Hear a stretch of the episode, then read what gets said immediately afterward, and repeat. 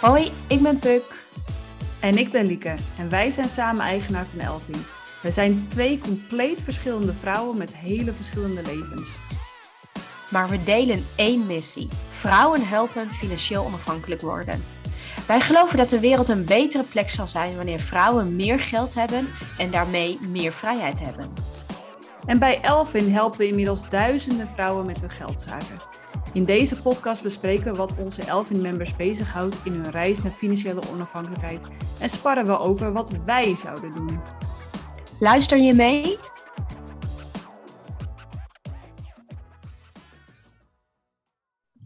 Hey uh, Puk, ik uh, wil het deze week even met jou hebben over een topic bij ons in de community die door een member is geopend. Ik uh, ga hem even aan je voorlezen, oké? Oké, okay, ik ben benieuwd. Nou, zo gaat hij hoor. Uh, hoi allemaal. Een topic dat ik al een tijdje wilde openen omdat het mezelf bezighoudt. De financiële opvoeding van onze kinderen. Ik ben moeder van een meisje van acht en een jongetje van bijna zeven. En ik merk dat hoe mijn ouders over geld praten en wat ze mij hebben meegegeven heel lang, nog steeds, bij mij blijft. Ook heb ik ergens gelezen, ik kon het niet meer terugvinden, dat je money mindset al vroeg wordt gevormd, ergens voor je achtste levensjaar. Of dat waar is, weet ik niet. Maar ik weet wel dat je mindset over geld kan veranderen. En dat wij als ouders daar een grote rol in spelen. Ik ben benieuwd hoe jullie hier naar kijken. Interessant, hè? Ja, heel interessant. Ik ben ook heel erg benieuwd of jij. Uh, uh, ik ben ook benieuwd of je nog veel herinnert van je eigen financiële opvoeding. En of jij ook heel bewust, want jij bent ook moeder. Ik heb nog geen kinderen. Maar of jij ook heel bewust bepaalde dingen echt anders doet. En er heel anders mee omgaat dan dat je ouders deden in de opvoeding naar jou. Ik denk sowieso dat hier het, het van toepassing is dat hoe meer je leert, hoe meer je weet wat je niet weet. Dus ik merk zelf uh, dat de gaandeweg mijn eigen reis werd natuurlijk al uh, dat ik steeds meer ging leren over geld. En toen ging ik uiteindelijk ook nadenken over mijn eigen overtuigingen. En ook dus werd ik me er veel bewuster van hoe ik naar mijn kinderen over geld praat. Uh, maar je stelde heel veel vragen in één. Ik begin eventjes bij, bij vroeger. Um, ja, ik ben, ik ben opgegroeid in West-Friesland, dus dat is uh, heel Calvinistisch sowieso. Mijn vader is agrarisch ondernemer en wij noemen dat hier tuinder. En die had ook maar één modus en dat was gewoon hard werken. En uh, wat mijn ouders mij vooral geleerd hebben was dat je alleen geld verdient als je hard werkt. Um, dat je moet sparen, dus zoveel mogelijk sparen. Ja. Uh, schulden zijn heel erg slecht. En ook dat rijke mensen gewoon heel zagrijnig zijn. Dus mm. een lekkere, goede basis voor, ja. voor financiële vrijheid. Maar herken jij daar wat van? Ja, ik, ik vind dit zo'n interessant topic. Um, ik heb het hier ook echt heel erg veel met mijn vrienden over. Omdat nou, ik heb een vrij nieuwe relatie, bijna een jaar. En uh, grappig, het is vandaag onze eerste Valentijnsdag samen. Dus, oh, superleuk. Nou, wij nemen dus op tijdens Valentijn. Uh, ja, hoe dan we hebben niks nee, beters te doen. Dit is wel treurig, hè? Valentijnsdag, een podcast ja. over geld. Nee, ja, ik heb het heel veel met hem erover, omdat... Kijk, het is voor ons met Elvin natuurlijk deel van ons werk. En omdat wij beide als missie hebben om vrouwen te helpen beter met geld te worden komt natuurlijk ook naar voren dat wij zelf ook heel erg, tenminste dat heb ik, ik weet niet of jij dat hebt, maar dat ik zelf ook heel erg bewust ben van mijn eigen gedrag rondom geld. En ik vind het een heel interessant topic, omdat je kan zoveel gaan afpellen. Geld is, um, ben ik achter, geld is zo'n enorm beladen onderwerp. En het komt omdat het een, um, een basisveiligheid is in ons leven. We hebben gewoon geld nodig om te kunnen leven meer geld hebben betekent van overleven naar leven gaan. Dus het is zo'n zo'n mega beladen topic, waardoor mensen er ook zoveel um, ja, beladenheid bij kunnen ervaren. En als ik dan kijk naar mijn eigen opvoeding, um, nou, is, dit klinkt wel treurig wat ik nu zeg, maar nou, zo ervaar ik het niet. Maar ik heb eigenlijk heel weinig herinneringen aan mijn jeugd. En in dit topic werd ook genoemd Even kijken, wat, wat zei deze vrouw? Uh, dat je, oh ja, je money mindset wordt gevormd voor je achtste. En ik heb niet heel erg veel herinneringen meer voor mijn tiende. Ik weet niet waarom. Mijn ouders zijn toen gescheiden. Misschien was het traumatisch voor mij als kind. Maar vanaf toen kan ik me heel erg herinneren dat mijn moeder eigenlijk altijd een soort default state had. Ik heb geen geld. En oh, ze ja. had ook niet heel erg veel geld na de scheiding met papa. Ik denk dat papa wel heel veel geld had, maar die gaf geen euro uit. Want die vond en vindt alles te duur. En, dan, ehm, en ook al heb je het niet meer van je, voor je tiende, dan heb je dat nu dus wel heel erg door. Ja. ja, heel erg. Weet je waarom ik het heel erg door heb? Ik ben, ik ben gewoon mijn vader. Het is verschrikkelijk, maar ik vind ook, ik, ik wil het helemaal niet, maar bijvoorbeeld laatst waren we samen op wintersport en we waren in Zwitserland. En Zwitserland is nou een duur land. En in plaats van daar lekker te genieten van het feit dat ik dat kan betalen, lekker op wintersport kan gaan, denk ik bij alles, oeh, het is heel erg duur. Mm, ai, ja, leuk, maar heel erg duur. Denk ik, oh, en je vader ook, die, die vond dat dan ook? Vindt hij dat dan ook op die momenten dat jij dat denkt? Dat hij zegt, ja, Puk, het is inderdaad wel duur. Papa? Ja? Nog erger dan ik. Ja, dus jullie, jullie vonden elkaar daar helemaal in dat, uh, in dat, uh, zeg maar, in, in dat duur idee.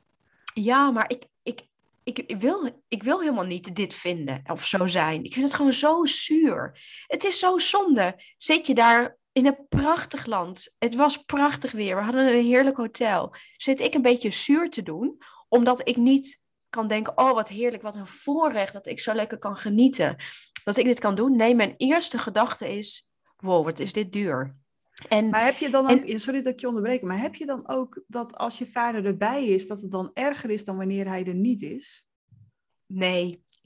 Nee, dit is gewoon nee, dat is jouw default state nu ook. Ja, het is mijn default state geworden. En mijn vriend attendeert me er ook op. Dus ik, ik ben me heel erg bewust hiervan. En, en ik denk, um, uh, en wat betreft mijn financiële opvoeding. Nou, ik heb heel erg geleerd. Ik denk ook een beetje wat jij hebt. Je moet gewoon goed je best doen, hard, hard werken, studeren, um, goed je, ja, er zijn, put in the effort.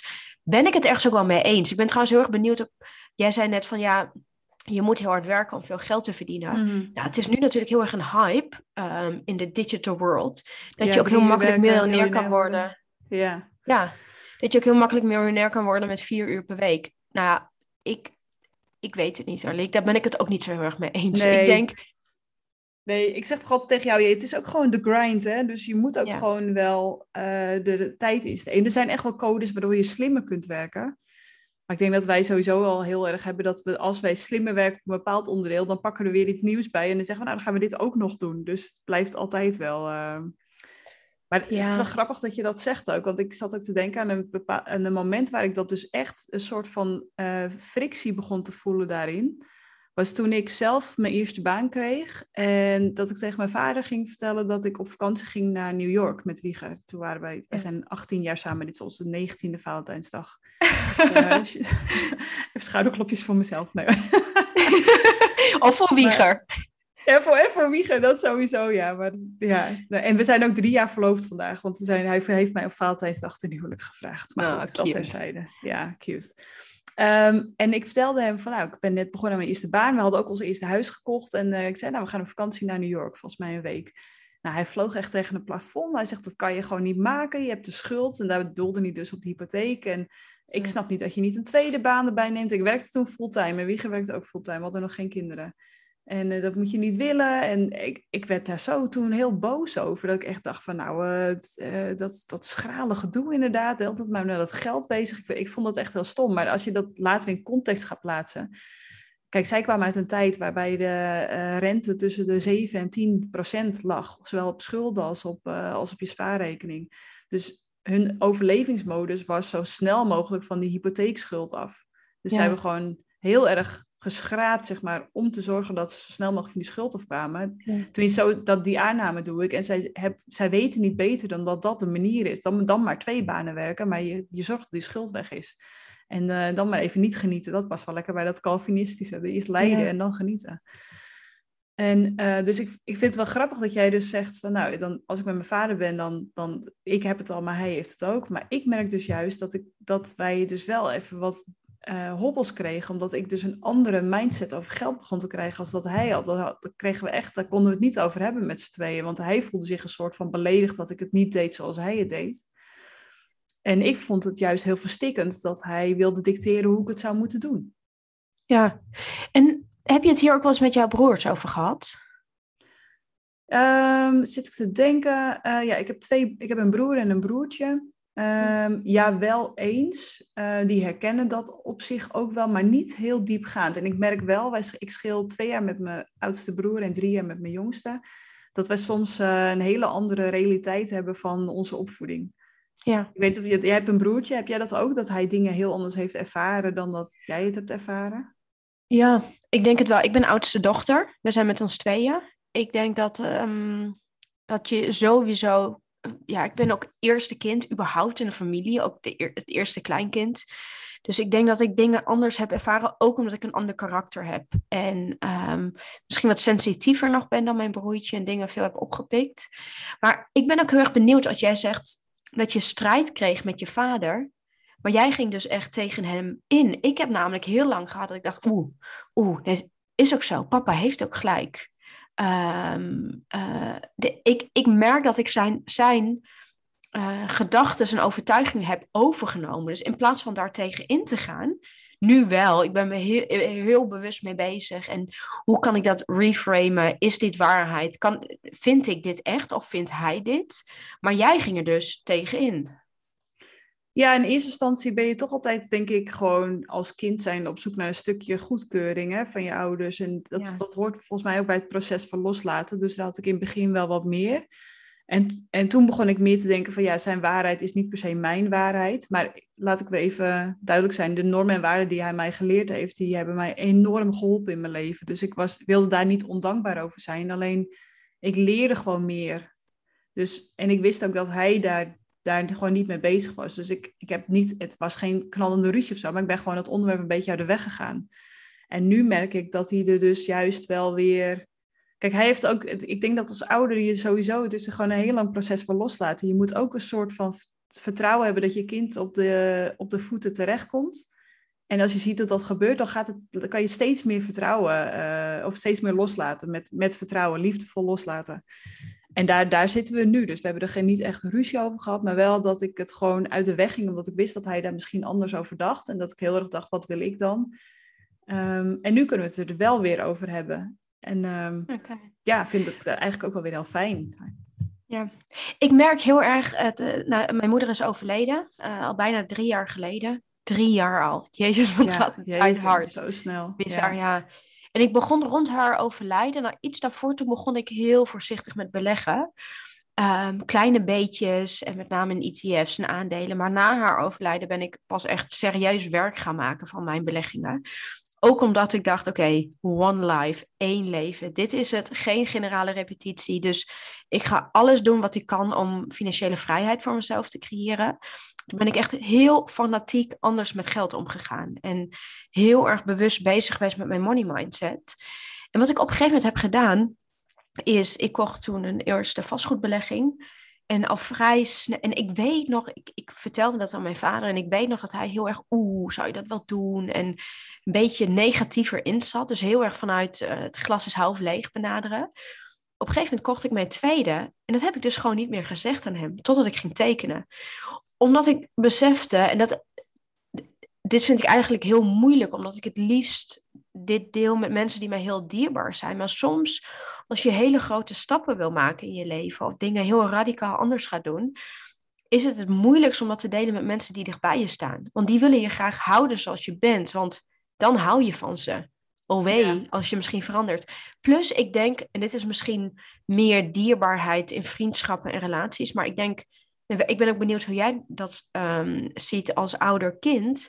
Je wil je kinderen altijd behoeden voor um, dat dingen misgaan.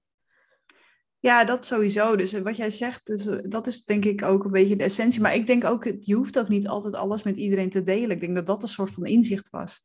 Ik heb ooit een keer een, een coach gehad en die zei: maak eens een lijstje van mensen van wie je meer zou moeten aantrekken, hun mening, en van wie je minder zou moeten aantrekken van hun mening. En toen dacht ik, oh, dat, dat hielp mij wel om gewoon te zeggen, oké, deze onderwerpen bewaar ik voor mijn familie, want die kennen mij als geen ander en die weten dit heel goed. Maar als het over nou ja, het opbouwen van vermogen gaat, dan bewaar ik dat liever voor vrienden en vriendinnen die daar ook mee bezig zijn, omdat ik daar veel meer energie van kreeg. In plaats van, ja. snap je wat ik bedoel? Dus dat je heel selectief wordt. Dus wat jij zegt herken ik wel, maar ik denk dat dan, je hebt het wel met andere mensen gedeeld, die dus stonden te juichen dat je je tweede vastgoedbelegging kocht. Ja, klopt. Hey, en Leek, heb jij dan ook uh, dingen uit je opvoeding die je hebt meegekregen? sommige dingen ben je heel bewust aan het, of heb je al heel bewust um, um, anders aangepakt? qua mindset. Maar zijn er ook dingen in jouw financiële opvoeding waarvan je denkt, ja, hier kan ik opteren en dit, en dit geef ik ook door aan mijn kinderen? Ja, nou sowieso denk ik dat het, het maken van schulden voor uh, dingen die hun waarde verliezen. Dus bijvoorbeeld het kopen van een auto op uh, afbetaling, dat, dat, zou, dat, dat, dat zou ik zelf dus nooit doen. Sowieso geef ik niks om auto's, dus dan, dan doe je het denk ik sowieso niet. Um, maar dit, een auto verliest ook gewoon heel snel zijn waarde. Dus dat soort dingen geef ik ze wel mee. En ook ze moeten gewoon sparen voor de dingen die ze willen hebben. En je kunt alleen de dingen kopen waar je ook daadwerkelijk het geld voor hebt. Um, ik vind dat, dat hebben mijn ouders me heel goed meegegeven. En ik heb daar echt, echt geen uh, last van ondervonden. Omdat ik dus wel, als ik iets moois wil hebben, dan vind ik het ook oké om daarvoor te sparen. Er zit toch een beetje weer het Calvinistische. Ja. Maar aan de andere kant vind ik wel het praten over geld als een positieve energie. Dat is wat ik dus heel anders doe. Dus geld is geen last, het is een, een lust, weet je wel. Het is, het is er en het is, er is heel veel. En als je creatief bent en, um, en uh, doorzet, dan is er altijd geld voor jou in deze wereld. En um, nou ja, dus dat, dat geef ik ze heel erg mee. Maar daar, ik moet wel zeggen, ze zijn dus uh, uh, bijna zeven en uh, acht. Oh, net als onze topic openen. maar wat wil ik nu zeggen? Ze worden er wel eens gek van. Van Als jou? Het praat over geld, ja, dan heb je het weer over geld. En eh, Ella zegt wel, dat was heel lief, zei ze in de klas, ja, mijn moeder doet heel belangrijk werk, want ze helpt vrouwen om meer geld te verdienen. Oh, wat schattig. Ja, had ze tegen een meester gezegd. Dus ze zegt ook heel vaak, mama, jij doet heel belangrijk werk. Maar soms zegt ze ook, ja, nou weet ze het wel weer hoor, over het geld. Dus ik heel vaak als ze dan het, als het onderwerp een beetje aanraakt, dan zeggen we ook van ja, maar we kunnen dus deze dingen doen omdat we dit belangrijk vinden, omdat we hier geld voor over hebben. En dit kunnen jullie ook, maar je moet wel, ja, je moet wel uh, zorgen dat je die mindset hebt, dat, dat het er altijd voor je is. En uh, daarnaast geef ik ze, de, dus dit is gewoon meer gevoelsdingen, dat ik het belangrijk vind dat we over geld praten en dat het ook gewoon een, een gewoon onderwerp van het gesprek is, niet in uh, tekorten of in, of in de spanning. Um, maar ik, ik ben gewoon ze rekendingen aan het leren. Wat is rente op rente? Dus dat is iets heel praktisch. Ja. Dus ik dacht, dat kunnen ze maar beter zo snel mogelijk leren. Want als zij dat nu leren, dan zijn ze over, over, over 40 jaar, weet je wel, zijn ze, nou, zo oud ben ik nog niet, maar dan plukken zij daar gewoon de vruchten van. Ja, maar wat geniaal eigenlijk. Weet je, ik vind het zo bizar dat we dit gewoon niet leren op school. Niet dat je niet, je, nou, je leert heel veel. Ik ben het bijna allemaal vergeten. Maar je leert niet hoe ga je met je geld om. Hoe wees je verstandig met geld? Hoe bouw je iets op? Hoe ga je om met emoties? Uh, gewoon de basisdingen in het leven die echt moeilijk zijn. Hoe ga je om met de rouw? Ook zoiets. Word je gewoon, wordt helemaal niet over gepraat. Anyway, geld dus ook. Maar heb jij dat interest? Ja, maar heb jij, want wat ik vaak hoor is, want het is een taak van de ouders, maar heb jij een financiële opvoeding in die zin gehad? Dat je gewoon de praktische dingen leerde van, uh, van je vader of van je moeder? Nee, nee, volgens mij niet. Nee, nee nou ik had dat wel heel erg snel in de smiezen. Ik denk dat ik een jaar of 15 was en uh, paardrijden was mijn hobby. Dus ik had altijd een paard vroeger en dan ging ik mee rijden. En we hadden zo'n paardentrailer. En op een gegeven moment ging ik minder naar wedstrijden toe. Dus had mijn vader bedacht, we gaan die paardentrailer verkopen. En toen zei hij, oké Puk, jij moet dit nu gaan regelen. Jij moet die paardentrailer verkopen. Dus je moet dat ding helemaal gaan wassen, mooi maken en verkopen. En dan mag je de opbrengst houden. Nou, dat was volgens mij 2000 euro. Ja, dat was al eurotijd. Ik had dus 2000 euro, ik was een jaar of 15. Ik dacht, wow, dit is zoveel geld. Immens, maar ik, ja. ja, het was immens veel geld. Maar ik had er vrij snel in de smiezen dit geld wordt alleen maar minder, want ik geef het uit. Ik moet zorgen dat er meer geld op mijn rekening komt. Dus ik ben al vanaf mijn vijftiende, heb ik altijd gewerkt. Ik, had, ik gaf um, op een gegeven moment toen ik wat ouder was bijles. Ik heb heel lang in de horeca gewerkt. Uh, ik werkte in de winkel. Nou, ik deed allerlei uh, baantjes om maar te zorgen dat ik geld uh, verdiende. Dus dat heb ik wel, um, ja, wel echt meegekregen. En dat heb ik wel geleerd. Je moet dus wel gewoon werken om geld te verdienen. Maar ik heb dus nu geleerd, je kan ook je verdiende geld uiteindelijk weer voor jou aan het werk zetten door slim te gaan investeren. Nou, dit soort dingen heb ik echt zelf moeten uitvinden. En, um, en grappig is, ik heb twee neefjes. Mijn broer heeft uh, twee, de twee allerliefste jochies in de wereld. En, uh, en ik heb voor hun een beleggingsrekening geopend, voor hun beiden. En mijn broertje was heel erg verbaasd, maar Puk, waarom een beleggingsrekening? Ik zei, ja, dan heb je toch na 18 jaar even gebaseerd op historische data, toch iets meer geld dan wanneer ik het zou sparen. Nou, als ik dit toch had geleerd rond mijn twintigste, mamma mia, dan had ik een voorsprong gehad. Maar nee, ik heb verder eigenlijk helemaal niet veel dingen over geld geleerd, behalve werken. Je moet werken voor je geld. Wat ook waar is in, uh, in mijn ogen, maar ja, denk ik wel dat er, er zit wel een soort van verschuiving naar moet je werken of moet je waarde leveren. En, en werken voelt alsof je, dan moet je er tijd voor inzetten, terwijl waarde leveren op heel veel verschillende manieren kan. Dat is natuurlijk wat wij ook wel zien met Elvin, dat soms, uh, en dat, die waarde kan ook zitten in de uren die je erin stopt, maar het kan ook zijn doordat je iemand op, een, op het goede spoor uh, helpt met iets. Ja, ja maar het, dat is natuurlijk een semantische discussie. Want ja. waarde leveren zit ook altijd gewoon werk in. Je zit ja, niet altijd. op de bank tv te kijken. Nee, nou ja, het heeft misschien waarde voor iemand anders. Maar ik bedoel uh, meer dat ik soms. Uh, kijk, ik, ook het, uh, het teruggaan naar drie uur in de week werken en daar miljonair mee worden. Daar zit ook heel veel werk aan vooraf. Om dat te kunnen doen. En, ja. um, maar soms denk ik wel dat ik iets minder moet nadenken over werken, maar meer over waarde. Gewoon voor mijn eigen gemoedsrust. Ja, ja. Nou, kijk, ik heb, ik denk het voor, voordeel met, um, ik had het met mijn vriend over, met, uh, met Elvin. Ik denk dat ik nog nooit zoveel heb gewerkt in mijn leven als nu. Maar 90% van de tijd voelt het niet als werk, omdat we hebben een missie en we helpen mensen. En dat is zo'n dankbaar iets om je talenten en je energie in te zetten voor good. Uh, dus ja, waarde leveren. Maar uiteindelijk is het natuurlijk ook gewoon noeste arbeid die wij ja, moeten verrichten. Ja, dat weten wij als geen ander, ja. Precies.